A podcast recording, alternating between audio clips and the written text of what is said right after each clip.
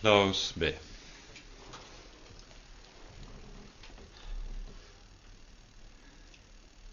Kjære gode Herre, hellige Gud og Far. Så takker og lover vi deg at vi skal få komme sammen på ny i ditt hellige navn. Takk, Herre, at du vil være vår Gud, og at du har bøyet deg til oss da du ga din kjære Sønn i vårt sted. Takk, Hellige Gud, at for Jesus skyld skal vi få ha evig adgang innenfor deg. For Jesus skyld skal vi få ha arv i ditt rike og et fast håp. Takk, Herre Jesus, for syndenes forlatelse. Takk, Herre Jesus, at du er og blir synderes venn. Så ber vi, Herre, kom du, se til oss, send din Hellige Ånd, og gi oss det vi trenger for å ha lys i ordet ditt. Det ber vi i ditt eget navn, og takker og lover deg, Herre, fordi du er god og din miskunnhet varer til evig tid. Amen.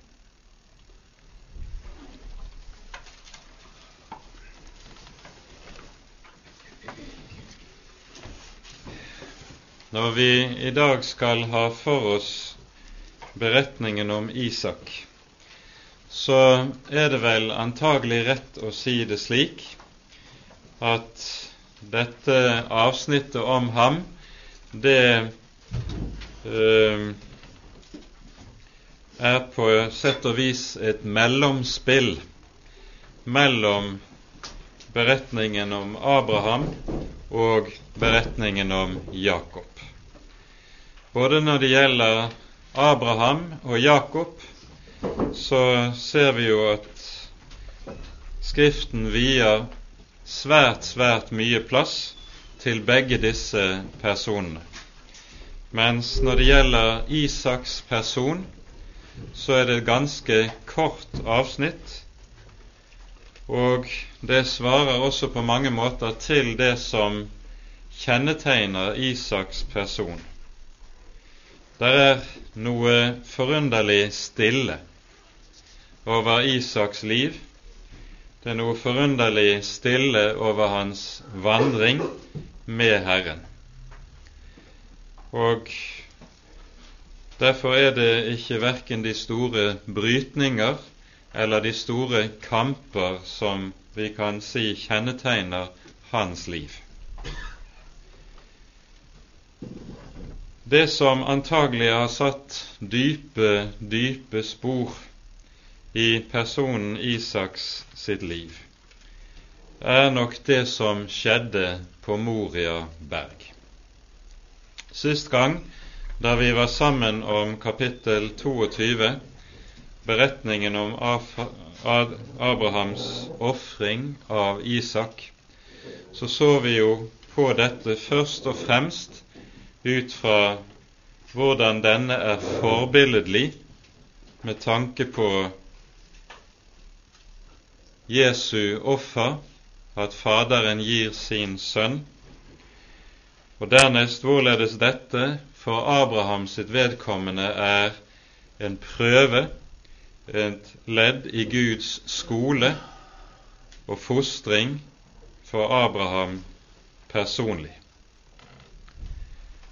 Men det må nok også sies, og må nok også være klart, at for Isaks vedkommende har det som der skjedde, satt dype, dype spor.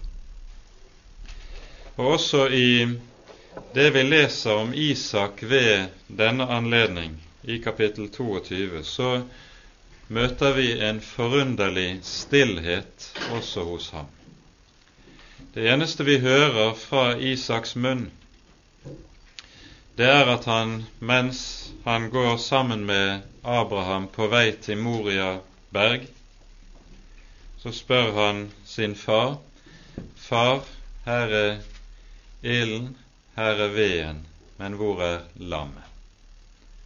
Og når Abraham svarer Gud skal nok utse seg lammet, min sønn, så er det nok for Isak. Han spør ikke og graver ikke mer. Og når Abraham så binder ham og legger ham ovenpå veden på alteret, så ytrer han ikke ett ord. Og så blir Isak i dette sannelig også et forbilde. Vi hører jo det sies om Herren Jesus i Jesaja-bokens 53. kapittel slik Han ble mishandlet enda han var elendig, og han opplot ikke sin munn, lik et lam som føres bort for å slaktes lik et får som tier når de klipper det. Han opplot ikke sin munn. Allerede her ser vi noe av det som senere kommer til stadig å kjennetegne Isak. Det er en stille underkastelse under Herrens vilje. Om Isak ved denne anledning var 15 år gammel eller 25, som vi hører hos Josefus, eller sågar 37, som han sies å være i jødisk tradisjon, det vet vi ikke. Det vi vet, er at han i alle fall var gammel nok til å ha bære veden, og det har antagelig ikke vært noen liten bør. Så han har minst vært et stykke opp i tenårene når dette skjer. Stillheten hos Isak, den ligger der. Og så finner vi også et annet fotavtrykk, antagelig av det som skjer på Moria berg i det 31. kapittel. Her hører vi Jakob eh, i samtale med Laban si noen ord om sin far som er ganske særegne. Kapittel 31 vers 42 sier Jakob slik.: Hadde ikke min fars Gud vært med meg, han som var Abrahams Gud, og som også Isak frykter, Sannelig, du hadde latt meg fare med tomme hender. Det uttrykket som også Isak frykter, der står det bokstavelig i grunnteksten 'Han som er Isaks redsel'. Det samme uttrykket dukker opp igjen i vers 53, også i grunnteksten. Hos oss står det 'Abrahams Gud og Nakors Gud skal dømme mellom oss, han som var deres fars Gud' så svor Jakob ved han som hans far Isak fryktet, bokstavelig som han som var Isaks redsel. Når Jakob nå etter 20 år i utlendighet tenker tilbake på farshuset, hjemmet han er vokst opp i hos Isak og Rebekka, så er det ett trekk som særlig sitter igjen i bevisstheten hos Jakob, og det er farens Guds frykt. Farens Guds frykt, som altså har satt dype fotspor i Jakobs sinn, og vi skjønner og vi aner at dette nok må henge sammen med det som skjedde på Moriaberg.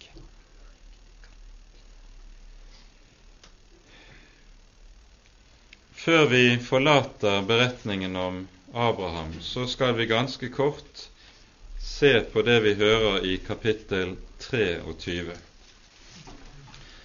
Her hører vi om Saras død og det som skjer i den anledning. Saras alder ble 127 år. Det var Saras leveår. Så døde Sara i Kiryat Arba, det er Hebron i Kanans land. Og Abraham kom for å holde sørgehøytid og gråte over Sara. Deretter sto Abraham opp og gikk bort fra sin hus, døde hustru, og han talte til Hets barn og sa:" Jeg er en fremmed og utlending hos dere. La meg få et gravsted til eiendom hos dere, så jeg kan føre min døde hustru bort og begrave henne. Da svarte Hets barn Abraham og sa til ham, Hør på oss, Herre. Du er en Guds høvding iblant oss. Begrav din døde i det beste av våre graver. Imidlertid, ingen av oss skal nekte deg sin grav til å begrave henne i. Da sto Abraham opp og bøyet seg for landets folk, for Hets barn. Og han talte med dem og sa, dersom dere samtykker i at jeg fører min døde bort og begraver henne, så hør på meg, og legg et godt ord inn for meg hos Efron, Sohars sønn, at han lar meg få Makpelahulen som tilhører ham og ligger i utkanten av hans mark. Han skal få full betaling for den, hvis han vil selge meg den her midt iblant dere til eiendoms gravsted. Men Efron satt midt iblant Hets barn, og Efron, hetitten, svarte Abraham så Hets barn hørte på det, alle de som hørte hjemme i hans by, og sa, Nei, Herre, hør på meg. Jeg gir deg marken, og hulen som er på den, gir jeg deg også, for mine landsmenns øyne gir jeg deg den, begrav din døde der. Da bøyet Abraham seg for landets folk, og han talte til Efron, så landets folk hørte på det og sa:" Bare du nå ville høre på meg. Jeg betaler deg det, det marken er verd. Ta imot det av meg, og la meg få begrave min døde der. Da svarte Efron Abraham og sa til ham, Herre, hør på meg. Et jordstykke som er verd 400 sekel sølv, hva har det å si mellom meg og deg? Begrav du din døde. Og Abraham skjønte hva Efron mente, og Abraham veide opp til Efron det sølv han hadde talt om i påhør av hetsbarn. 400 sekel sølv, slike som var gangbare i handel. Og Efrons mark i Makpela, som ligger østenfor Mamre, både marken og hulen som er på den, og alle trærne som fantes på marken så langt den rakk rundt omkring, ble tilskjøtet Abraham som eiendom. Så Hetsbarn så på det, alle de som hørte hjemme i hans by. Deretter begravet Abraham Sara i sin, hus, sin hustru i hulen på Makpelamarken østenfor Mamre. Det er Hebron i Kanans land og marken og hulen på den gikk fra Hets barn over til Abraham som eiendomsgravsted. Dette er en særegen fortelling av flere grunner. For det første gir det oss et levende innblikk i hvorledes handel foregikk i datiden med den både høflighet og måten på å ordlegge seg på som vi her finner. Særegen er den også fordi når vi hører at Sara dør i en alder av 127 år, så er dette den eneste kvinne i Bibelen hvis alder angis ved hennes død. Den eneste. For det tredje er det også slik at dette, denne gravhule som Abraham nå kjøper, og der han gravlegger Sara, der han selv blir gravlagt, og senere også Isak og Rebekka, antagelig også Jakob og Josef. Dette er antagelig det eneste sted i Det hellige lands geografi der vi med full sikkerhet den dag i dag vet hvor er. Minnet over Abrahams grav ligger fortsatt i Hebron, og Abrahams stød, støv ligger fortsatt i graven der i helligdommen, som nå jo er eh, i eie tatt av muslimene.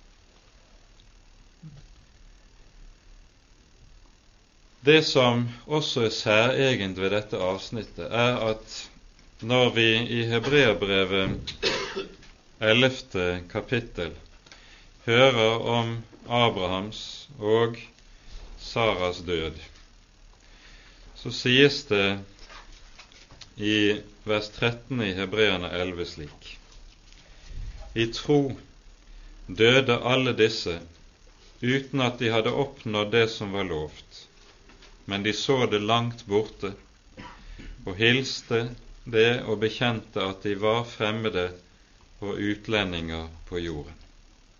De som sier slikt, gir derved til kjenne at de søker et bedre fedreland. Nettopp dette er nemlig saken. Abraham sier jo allerede i det han ber om å få kjøpe denne eiendommen, at jeg er en fremmed og utlending iblant dere. Han fikk ikke se, fikk ikke oppleve å få landet i eie, som Herren hadde lovet ham. Det eneste han kommer til å eie i det lovede land, er en grav. Og når han kjøper denne grav, og selv også gravlegges i denne, så er det i det sikre håp at i oppstandelsen så er det at han skal ta landet i eie. På den nye jord, når dagen er der og Herren kommer tilbake, da eier han og hans ett landet til fulle og med full rett.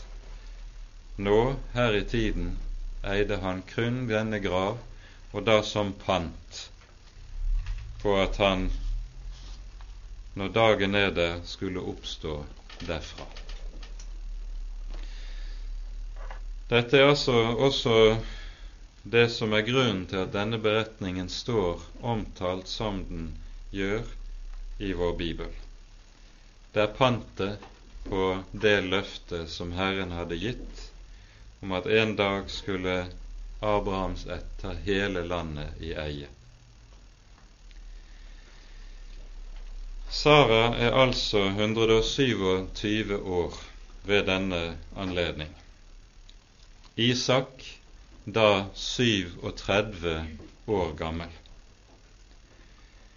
Sørgetiden går, og når vi så kommer til kapittel 24, så er det en sak som ligger Abraham meget sterkt på hjertet før hans dag kommer og han skal forlate denne verden. Det er at han må finne en hustru for Isak.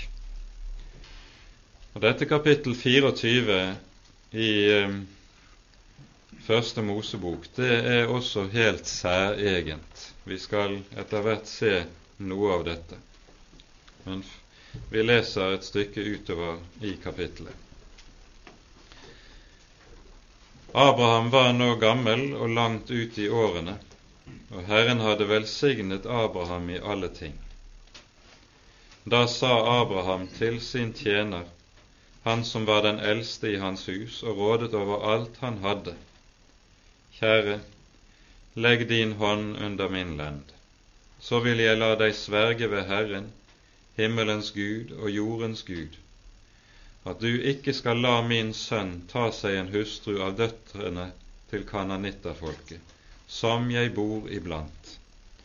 Men du skal dra til mitt eget land og til min slekt og hente en hustru til min sønn Isak.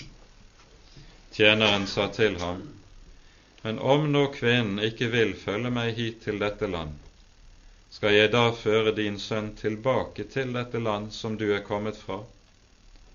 Abraham svarte, Vokt deg for å føre min sønn tilbake dit. Herren, himmelens Gud, som førte meg bort fra min fars hus og fra mitt fedreland, og som talte til meg, og som svor meg til og sa, Din ett vil jeg gi dette land. Han skal sende sin engel foran deg, så du kan hente en hustru til min sønn derfra. Men dersom kvinnen ikke vil følge deg, da skal du være løst fra denne din ed til meg, bare du ikke fører min sønn tilbake dit. Da la tjeneren sin hånd under Abraham sin herres lend og lovet ham dette med ed. Så tok tjeneren ti kameler av dem som hørte hans herre til, og dro av sted, og han hadde med seg all slags kostelige ting som hørte hans herre til. Han tok av sted og dro til Mesopotamia, til Nakors by, og så stanser vi der foreløpig. Det vi her hører, det er at Det ligger Abraham meget klart på sinnet at ikke bare skal Is Isak få en hustru, men for at han skal få den rette hustru, så skal det bevares det noe av det som var mest avgjørende i forbindelse med utvelgelsen av Abraham. For det første gis det en meget klar befaling til tjeneren at Isak skal ikke få en av kananittenes døtre til hustru. Abraham var og skulle være en fremmed og en utlending blant kananittene. Nå har jo ved dette tidspunkt Abraham levet som fremmed og utlending i det lovede land i mer enn 50 år.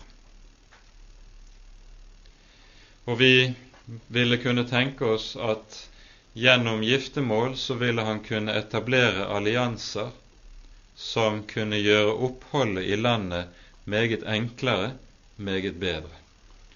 For det å være stadig en fremmed, stadig en utlending, der det alltid går en usynlig skillelinje mellom ham og de som bor i landet, det er aldri lett. Følelsen og opplevelsen av å være utenfor, den er aldri god. Og ved å eventuelt å få seg en hustru fra landets innbyggere, så ville han kunne etablere en helt annen trygghet enn det som han hittil hadde hatt, menneskelig talt. Likevel, Abraham er meget klar over at den slags trygghet og den slags allianser skal han ikke etablere. Vi hører senere at noe av det som volder Isak mest sorg, Isak og Rebekka, det er når sønnen Esau nettopp tar kananittiske kvinner til ekte. Vi hører i slutten av kapittel 26 så sies det da Esau var 40 år gammel, tok han til hustrua Judith, datter til hetitten Beeri, og Basmat, datteren til hetitten Elon. Men de ble en hjertesorg for Isak og Rebekka. Dernest er Abraham også meget klar i at det, den utskillelse som Herren hadde kalt ham til da han sa 'dra bort fra ditt land, fra ditt folk og fra din fars hus', denne utskillelse skal og må bevares. Derfor sies det to ganger til tjeneren ved denne anledning Vokt deg for å ta Isak med tilbake.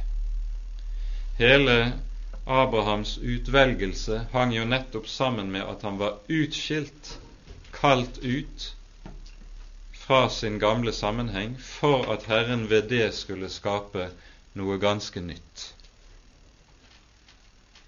Dette er det så som skal ivaretas. Og når det da skal hentes en hustru til Isak fra farshuset i Haran, i Mesopotamia, så henger jo det sammen med at der fortsatt er det en rest av den Guds frykt som hadde fantes i Sems ett og blant Sems etterkommere, selv om denne er begynt å bli oppblandet. Det ser vi i Labans hus senere.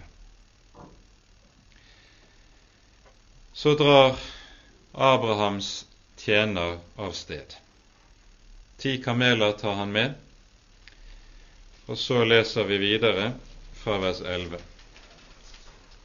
Han lot kamelene legge seg utenfor byen ved brønnen ved aftenstid, den tid da kvinnene pleier å komme ut og hente vann.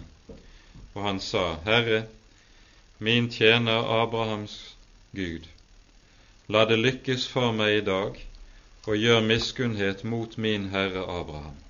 Se, nå står jeg her ved denne kilde, mens døtrene til mennene i byen kommer ut for å hente vann. La det nå bli slik at den pike som jeg sier således til, hell på din krukke så jeg får drikke, og som da sier, drikk, og jeg vil også gi dine kameler å drikke, at hun er den du har utsett for din tjener Isak. Og av det vil jeg skjønne at du har gjort miskunnhet mot min Herre. Og se, før han hadde holdt opp å tale, hendte det at Rebekka, en datter av Betuel, som var sønn til Milka og Nakor, Abrahams bror, kom ut med sin krukke på skulderen. Det var en meget vakker pike, en jomfru som ingen mann var kommet nær.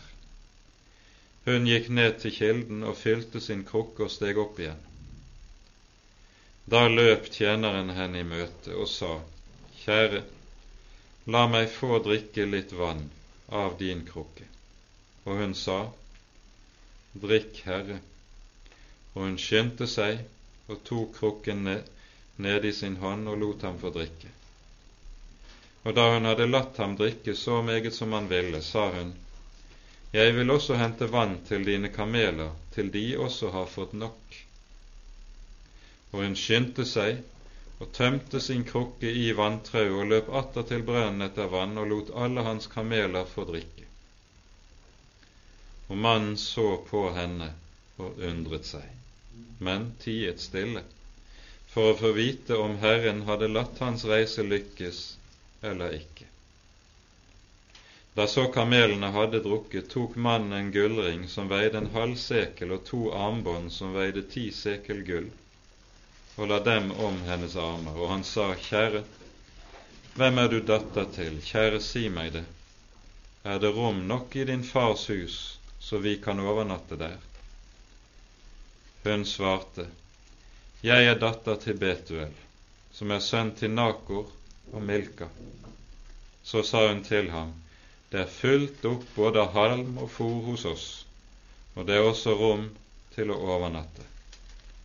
Da bøyde mannen sitt hode og tilba Herren og sa, Lovet være Herren, min Herre Abrahams Gud, som ikke har tatt sin miskunn og sin trofasthet fra min Herre. Herren har ført meg på rette vei til min Herres frender.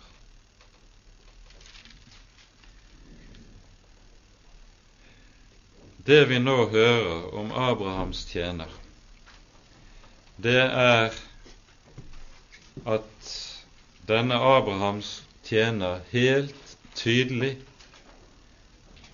bærer preg av Abrahams ånd og Abrahams gudsfrykt. Det er ikke for ingenting at Abraham har satt ham til forvalter over hele sitt hus.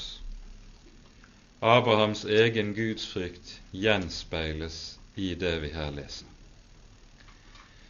Vi hører at han legger nå hele denne sak i Guds hånd. Og vi sier, vi leser i vers 14, at hun som han da ber om et bestemt tegn for, er den du har utsett. Her hører vi og forstår vi at de regner med at Herren er den som skal utse og utpeke den rette hustru for Isak. Dette er noe som ikke blott og bart er opp til menneskets eget valg. Og i dette ser vi noe som skal og må være en ledestjerne for alle kristne som tenker på det som har med giftermål. Det er ikke egen vilje, det er ikke egen lyst og egen, egne preferanser som skal styre dette. Men å lære å legge den sak i Herrens hånd, det er helt avgjørende for det hjem som så skal stiftes. Helt avgjørende.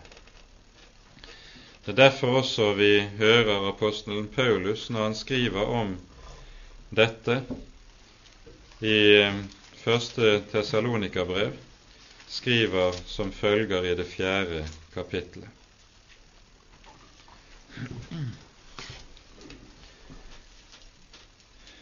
Dette er Guds vilje, deres helliggjørelse, at dere avholder dere fra hor, at hver av dere vet å vinne seg sin egen make i helligelse og ære, ikke i lystens brynde som hedningene som ikke kjenner Gud. Å vinne seg sin egen make i Herren, det er det det handler om, for at et hjem også kan være preget av det at det er to som er sammen i Herren. Denne er en avgjørende sak. Nå legger altså Abrahams tjener saken frem for Herren og ber om et tegn som er klart og utvetydig. Og det er ikke et tegn som det er noen selvfølge med. Han sier, la det nå være slik at den pike jeg ber om et, noe vann av, at hun da selv tilbyr seg også å gi vann til kamelene. Det gjør Rebekka. Og vi skal være klar over at det å tilby seg noe slikt, det er ingen liten jobb. En kamel etter en lang reise har kapasitet til å drikke så mye som opptil 100 liter vann. Og her er det tale om ti kameler. Og da å ta på seg jobben og gi disse kamelene vann som hun uttrykkelig sier 'til de har fått nok', det å ta på seg en veldig jobb. Det har ikke gått på én, to, tre. Og dette tegnet som Rebekka da oppfyller, det sier noe helt avgjørende om det sinn som preger denne kvinne. Det er tjenersinn, det er gjestfrihet, det er vilje til selvoppofrelse, det sier særdeles mye om hennes personlighet, det hun her byr seg til å gjøre. Det er ikke noe som hvem som helst ville tatt på seg. Et slikt tjenersinn, det er en frykt av, frukt av at her er det Guds frykt som hun er vokst opp i. Og vi hører at Abrahams tjener står stille og undrer seg. For dette har tatt sin tid. Det har sikkert vært en jobb som har tatt godt over en time å øse opp så mye vann med handemakt. Og når han hører hvem hun er, bryter hun ut i takk til Herren. Lovet være Herren, min Herre Abrahams Gud som har latt det lykkes, som ikke har tatt sin miskunnhet ifra min Herre. Når Rebekka hører dette, springer hun tilbake hjem for å fortelle hva som har skjedd, hvorpå Laban kommer ut, som altså er hennes bror. Laban kommer ut og byr han hjem. Vi hopper da til vers 33. De satte så frem mat for Abrahams tjener, men han sa, Jeg vil ikke ete før jeg har båret frem mitt ærend. Laban sa, Tal. Da sa han, Jeg er Abrahams tjener, og Herren har storlig velsignet min Herre så han er blitt rik. Og han har gitt ham småfe og storfe og sølv og gull og treller og tvellkvinner og kameler og asner og Sara, min herres hustru fødte min herre en sønn på sine gamle dager. Ham har han gitt alt det han eier. Og min herre lot meg sverge og sa, du skal ikke la min sønn ta seg en hustru av døtrene til kananitterfolket, i hvis land jeg bor, men du skal gå til min fars hus og til min slekt og hente en hustru til min sønn.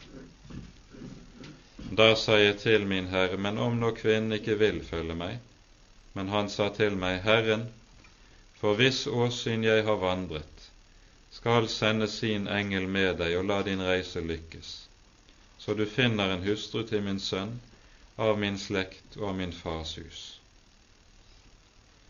Så forteller han hva som skjedde ved kilden, og så hopper vi til vers 47. Jeg spurte henne så, Hvem er du datter til? Og hun svarte, Jeg er datter til Betuel, som er sønn til Nakor og Milka. Da satte jeg ringen i hennes nese og armbåndene på hennes armer, og jeg bøyet meg ned til og tilba Herren og lovet Herren min Herre Abrahams Gud, som hadde ledet meg på rette vei til å finne min Herres brordatter til hustru for hans sønn. Dersom dere nå vil vise godhet og trofasthet mot min Herre, da si meg det. Men hvis ikke, da si meg det, så jeg kan vende meg til en annen kant, til høyre eller til venstre. Da svarte Laban og Betuel og sa, Dette kommer fra Herren. Vi kan intet si deg verken godt eller ondt. Se, der står Rebekka Ta henne og dra bort, og la din Herres sønn få henne til hustru, som Herren har sagt.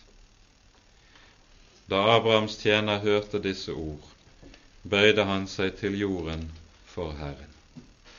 Og tjeneren tok frem sølvsmykker og gullsmykker og klær, og ga Rebekka og hennes bror og hennes mor gav han også kostelige gaver.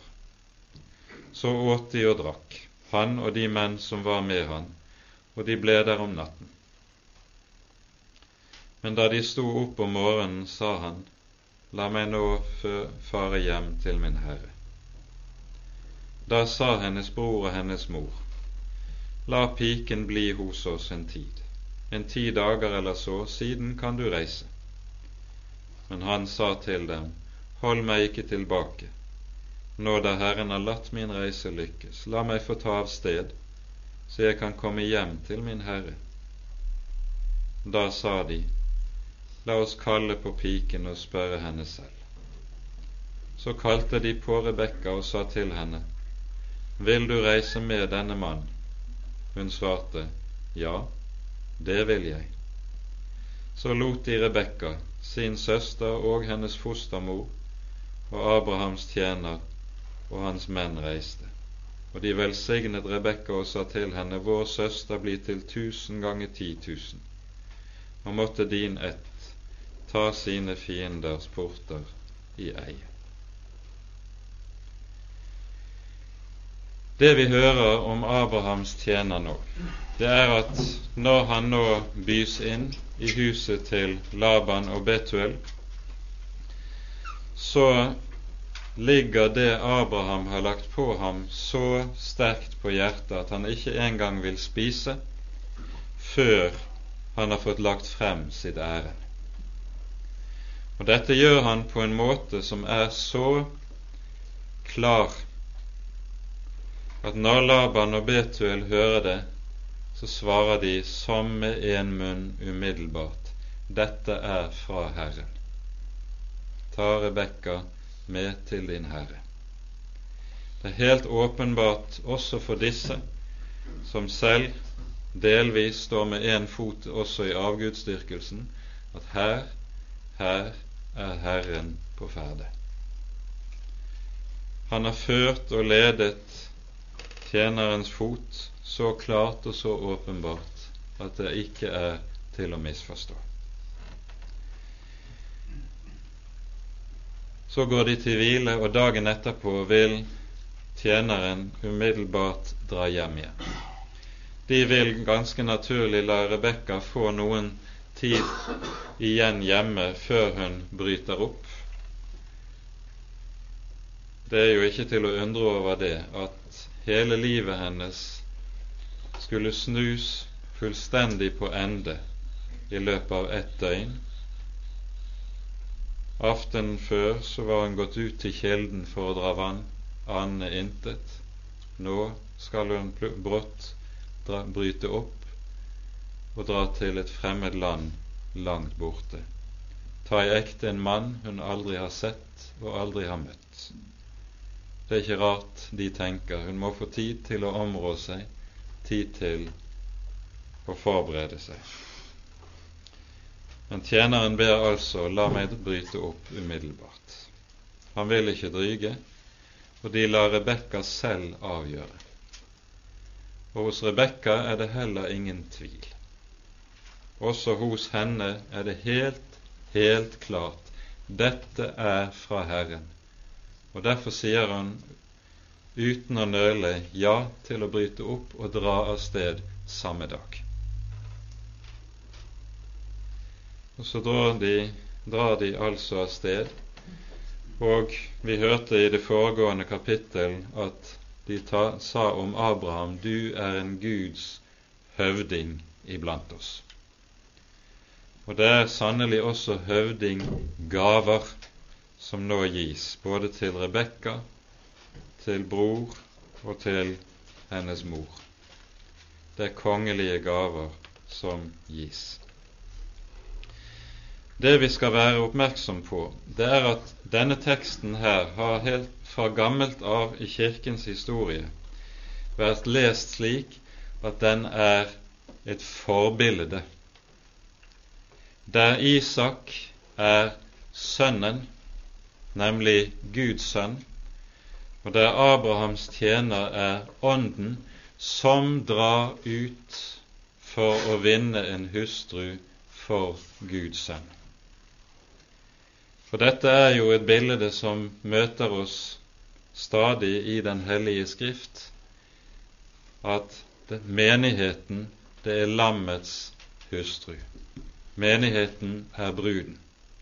Og den som drar ut for å vinne en brud for Kristus, for brudgommen, det er nettopp Ånden som drar ut i verden og forkynner evangeliet for å vinne en hustru til brudgommen. Akkurat som tjeneren så bringer Ånden også med seg rike gaver dit han drar. Og når han gjør som vi hører, gir Rebekka både en ring, en ring på en halv sekel og to gullringer som legges om hennes armer, så det forbildet på det vi hører i Det nye testamentet, at Herren har gitt oss et pant på den arv som vi har i vente. Sønnen som venter der hjemme, må bruden så bryte opp for å dra i møte. Akkurat som Rebekka drar av sted for å møte en brudgom hun ikke har sett, ikke har møtt i kjødet, slik drar også Kristi brud og bryter opp her fra verden. Rebekka måtte dra en lang vandring gjennom ørkenen for å komme til landet der Isak var. Slik må også Kristi brud dra den lange vandring på vei gjennom ødemarken for å møte sin brudgom. Dette er forbildet. Og så leser vi i Salme 45 noen vers som ganske klart må sies både å gjelde om Rebekka, samtidig som det gjelder nettopp om Messias hustru og brud. Salme 45 står det sånn, vers 11. Hør, datter, og gi akt. Bøy ditt øre og glem ditt folk og din fars hus, og la kongen ha sin lyst i din skjønnhet. For han er din herre, og du skal falle ned for ham. Akkurat slik er det med Rebekka. Hun glemmer sitt folk og sin fars hus og bryter villig opp på den lange reisen. Så leser vi avslutningen av dette kapitlet. Isak var nettopp kommet tilbake fra en vandring til brønnen Lachairo i, for han bodde i Sydlandet. Isak gikk ved aftenstid ut på marken for å ha en stille stund. Og da han så opp, fikk han så noen kameler som kom gående. Og da Rebekka så opp, fikk hun øye på Isak. Hun skyndte seg og steg ned av kamelen. Hun sa til tjeneren, Hvem er denne mann som kommer oss i møte på marken? Tjeneren svarte, Det er min herre. Så tok hun sløret og tilhyllet seg, og tjeneren fortalte Isak alt han hadde gjort. Og Isak førte henne inn i sin mor Saras telt. Han tok Rebekka hjem, hun ble hans hustru, og han hadde henne kjær. Så ble Isak trøstet i sørgen, sorgen over sin mor. Og nå er Isak altså 40 år gammel. Det er tre år siden Sara ble gravlagt. Med det vi her hører, så har Abraham så å si fylt sin livs oppgave. Og Når vi nå går inn i kapittel 25, hører vi om også Abrahams død. Han dør, gammel og mett av dage, sies det, når han er 175 år gammel. Det betyr at han ved sin død har, har vært, vært på vandring i hundrede år som fremmed og som utlending. Han var 75 år gammel da Herren kalte ham. Nå er han 175. Det betyr også, av det vi leser lenger ute i kapittelet, at når Isak får sine to sønner, og han er 60 år gammel når Jakob og Esau fødes, så dør Abraham når disse to, Jakob og Esau, er 15 år gamle. Han ser altså disse to guttenes oppvekst inntil ungdomstiden, før han legger seg til hvile. Det vi hører i kapittel 25, er jo at Abraham gir hele sin eiendom til Isak. Han har tatt seg også en medhustru Ketura. Disse, de sønner han får med henne, i tillegg til Ismael, de skilles også fra Isak. Og så er det Isak som er arvingen. Abraham gir alt han eier, til Isak, sies det. Isak er arvingen. Og nå hører vi i dette kapitlet, etter at vi har lest om hvorledes Isak og Ismail begraver Abraham i Makpela, så får vi ganske kort Isak og Ismail satt opp mot hverandre i kontrast. Vi hørte jo i forbindelse med beretningen i kapittel 16 og i kapittel 21 om det som er den grunnleggende forskjell på Ismael og Isak. Ismael, sier Skriften, er født etter kjødet. Isak er født ifølge løftet. Og dette er jo helt klart ut fra det vi leser i disse bibelfortellingene, i det Ismaels fødsel nettopp er et resultat av at man har foretatt seg noe Abraham og Sara gjorde noe på egen hånd uten Gud. Og så er Ismael født ifølge kjødet. Isak derimot er født ifølge løftet, nemlig på den tid da både Abraham og Sara var ute av stand til å avle barn. De var begge blitt for gamle. Slik at Isaks fødsel bokstavelig talt blir som liv av døde, en direkte frukt av Guds egen inngripen i deres liv. Og Dette har vi også pekt på, hvorledes dette er et forbilde på to slags åndelige typer.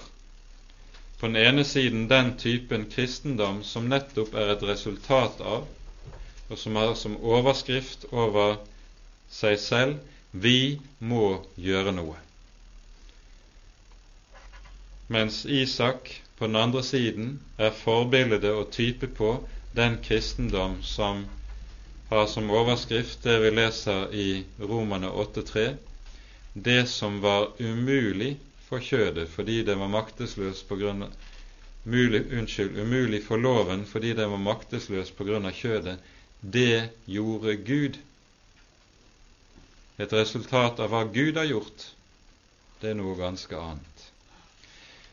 Ismael representerer og symboliserer menneskelaget kristendom, menneskeverk. Isak på den annen side det som er Guds verk. Nå hører vi om disse tos videre liv. Først om Ismael ganske kort, ifra vers 12 av. Dette er Ismaels, Abrahams sønns ettertavle, han som Abraham fikk med egypterkvinnen Hagar, Saras trellkvinne. Dette er navnet på Ismaels sønner, de navn som de har i sin ettertavle. Nevajot, Ismaels førstefødte, og Kedar og Abdeel og Mibsam, og Misma og Duma og Massa, Hadar og Tema, Jetu, Nafis og Kedma. Dette var Ismaels sønner.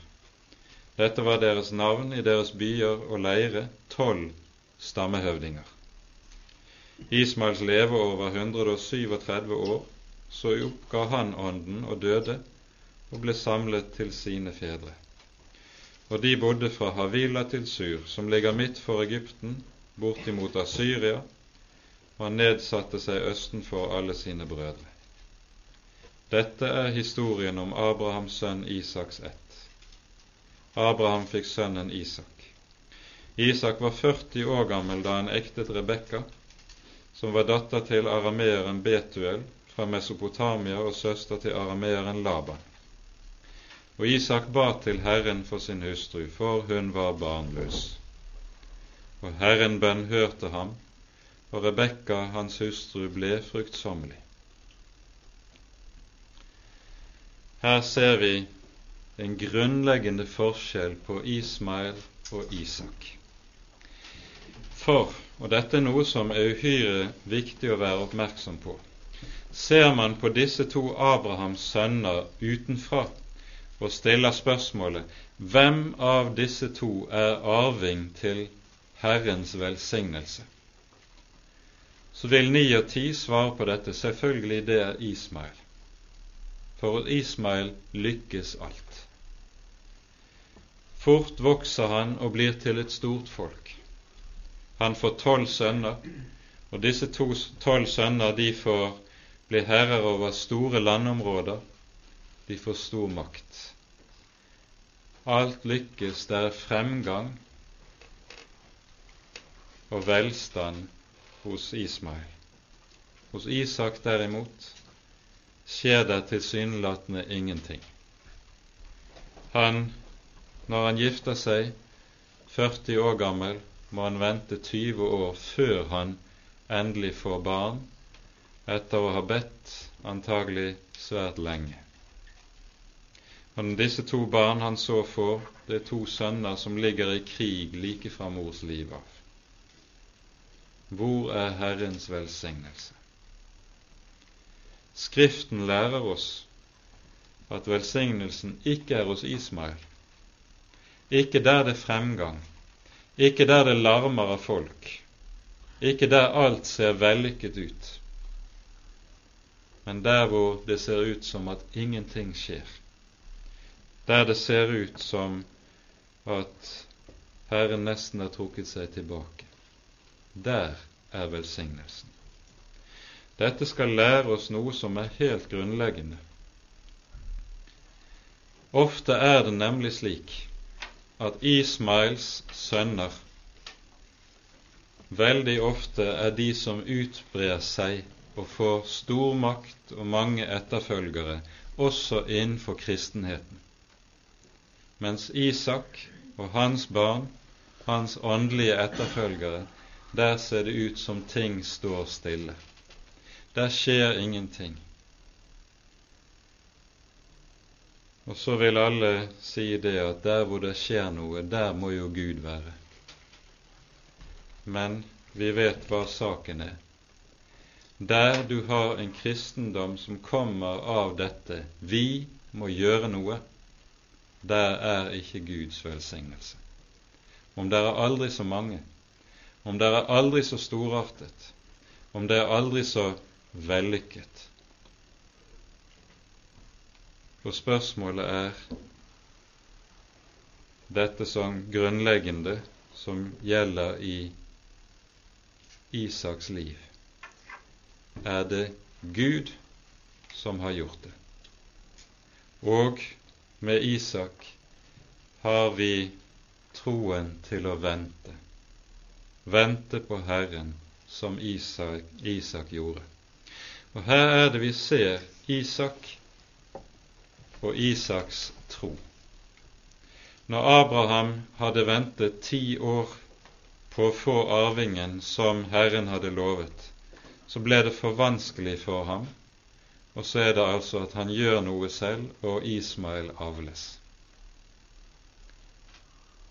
Isak tyr ikke til slike grep, verken når han har vært gift med sin Rebekka i ti år eller 15. Han bier på Herren, for han har Herrens løfte. Stille, stille bier han, ber han og venter på Herrens time. Og når han er 60 år gammel, så hører Herren bønn. Når han er 60 år gammel, fødes endelig hans sønner. Arvingene kommer. Vi ser Isaks stillhet på ny i dette, og jeg tror vi kan henlede oppmerksomheten på det vi i denne sammenheng, eller en tilsvarende sammenheng, finner i Jesaja-boken i det åttende kapittel. Her står Israel, Guds folk, oppe i en meget kritisk tid, og Herren gir profeten Jesaja en sønn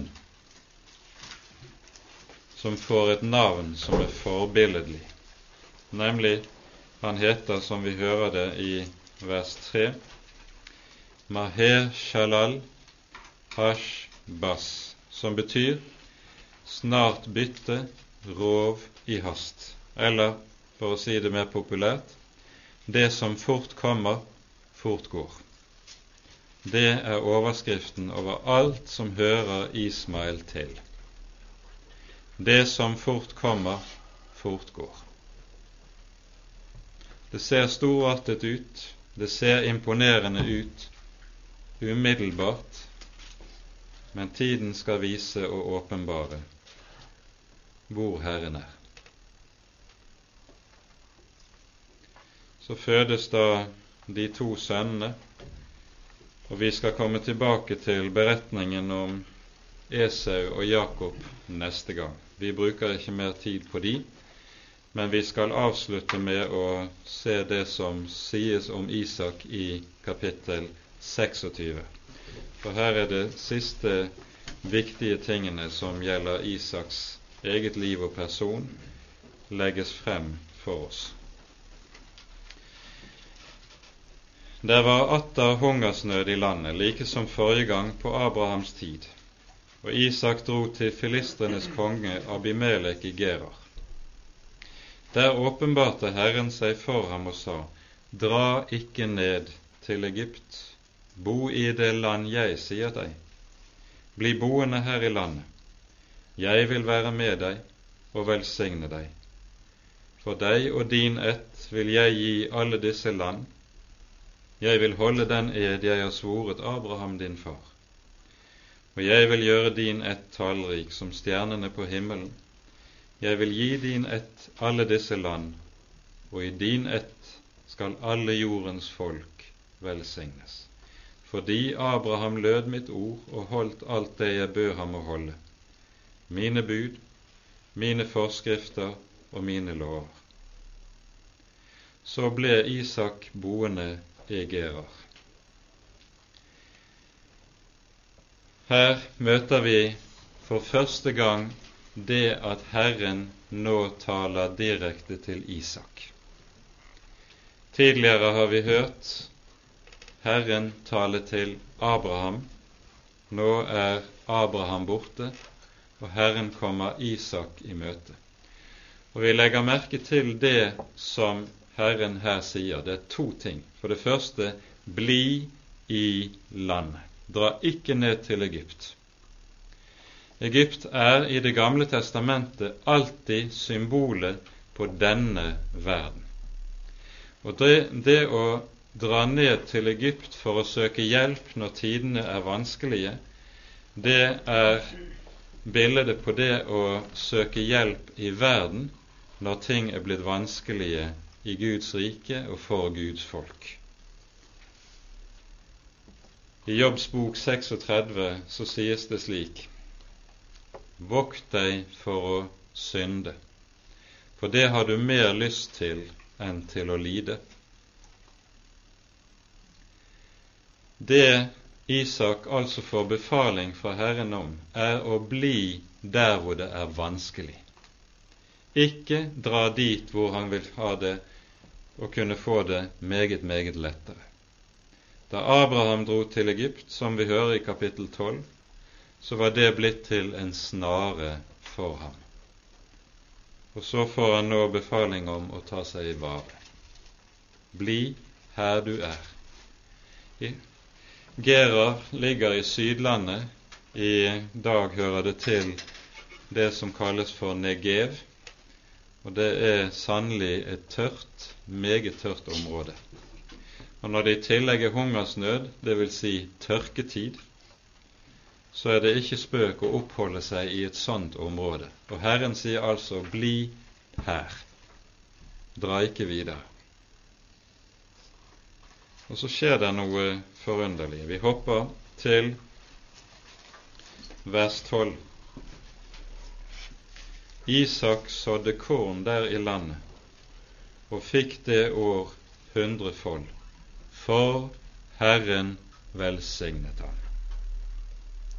Det er tørkeår, det er uår, og Isak har aldri vært bonde som dyrket jorden. Han var som nomade, som beduinene er det fortsatt i dag, en som levet av kvegdrift, storfe og småfe. Nå gir han seg til å dyrke land fordi det er hungersnød.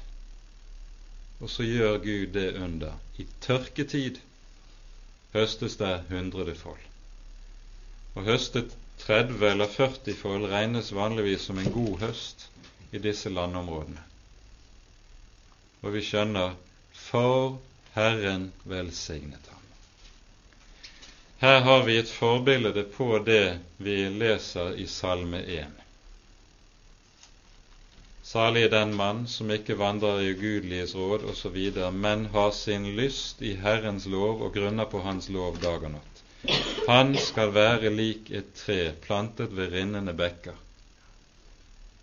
som ikke sørger i tørre år, hvis blad ikke visner, og hvis, som alltid gir sin frukt i rette tid. Det forbildet som oppfylles her i Isak. Tilsvarende så ser vi noe av Isaks vandring med Herren i det som følger efter. Isak ble en rik mann, rikere og rikere, så han til sist var overmåte rik. Han eiet småfe og storfe og mange tjenere, så filistrene ble misunnelige på ham.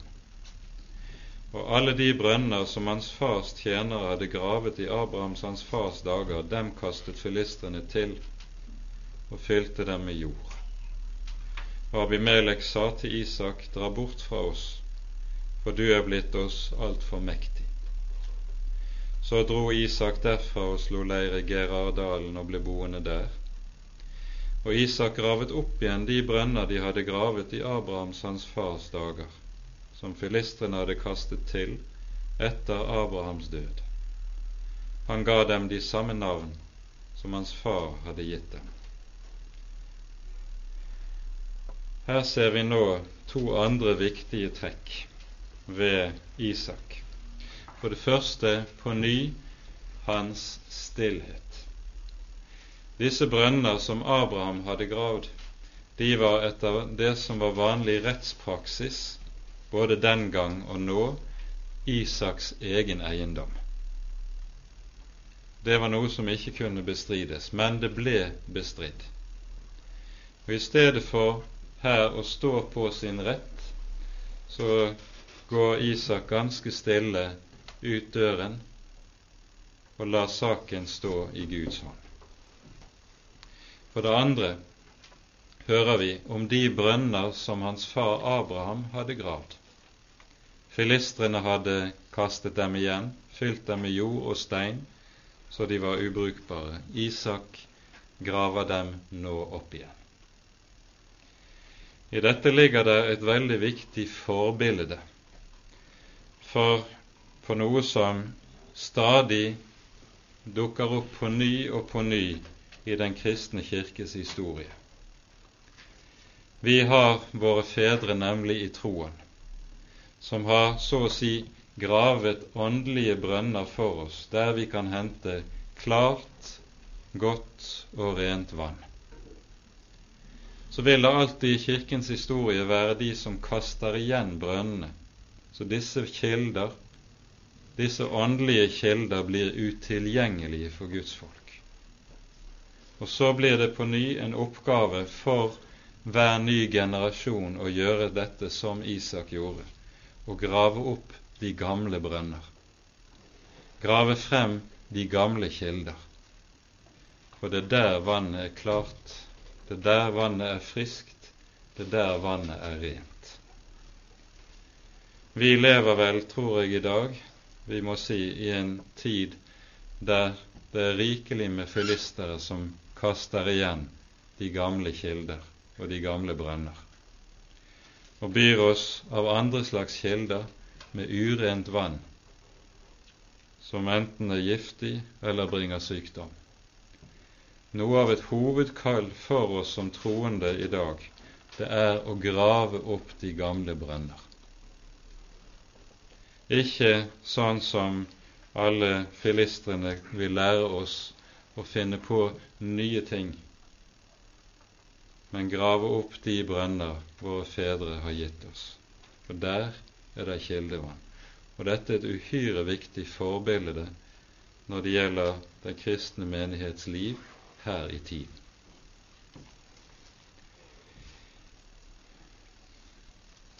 Vi hører at Isaks rett blir, fortsatt blir bestridd av hyrdene til filistrene. Vi leser videre fra vers 20. Isaks tjenere gravet i dalen og gravet en brønn med rinnende vann. Men hyrdene fra Gerard trettet med Isaks hyrder og sa:" Vannet hører oss til. Og han kalte brønnen Esek fordi de stredes med ham. Siden gravet de en annen brønn, og den trettet de også om. Han kalte den Sitna, som betyr fiendskap. Så brøt han opp derfra og gravet ennå en brønn. Den trettet de ikke om, og han kalte den Rehovot, som betyr åpent rom.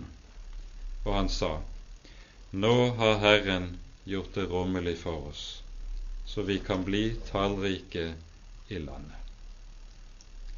På ny og på ny hører vi hvordan Isak ikke strides, han kunne ha gjort det, men legger sin sak i Herrens hånd. Og i dette så legger Isak et sinn for dagen som vi hører om i den 37. salmen. Og det som her sies, ofte leser man bare vers 5 i denne salmen. Det bør man ikke gjøre. Man bør lese langt mer. Vi tar oss tid og leser fra vers 5, vers 1 til 7, Salme 37.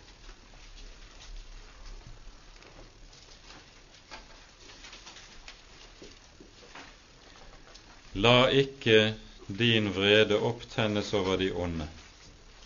Bli ikke harm over dem som gjør urett. For som gresset blir de hastig avskåret, og som grønne urter visner de bort. Sett din lit til Herren, og gjør godt. Bo i landet og legg vind på trofasthet, og gled deg i Herren. Så skal Han gi deg hva ditt hjerte attrår.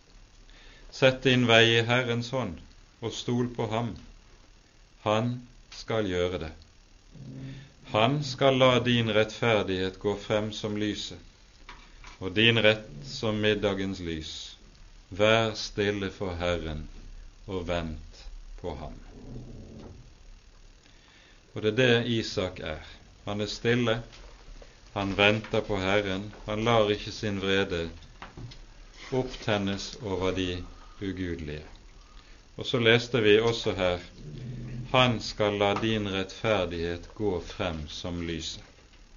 Og nettopp det stadfestes nå i Isaks liv på slutten av kapittel 26.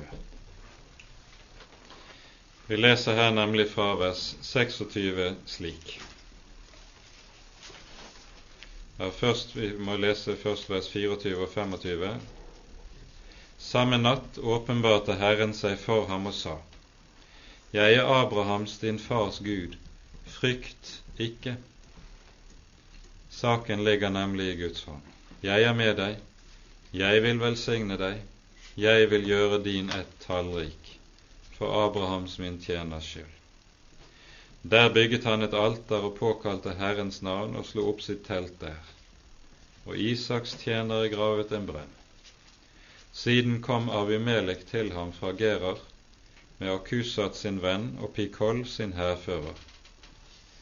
Da sa Isak til dem, Hvorfor kommer dere til meg, dere som hater meg, som har drevet meg bort fra dere? De svarte, Vi har sett det grant at Herren er med deg. Derfor sier vi, Kom og la oss sverge en ed oss imellom, vi og du, og la oss få gjøre en pakt med deg. I Salme 37 står det:" Han skal la din rettferdighet gå frem som lyset.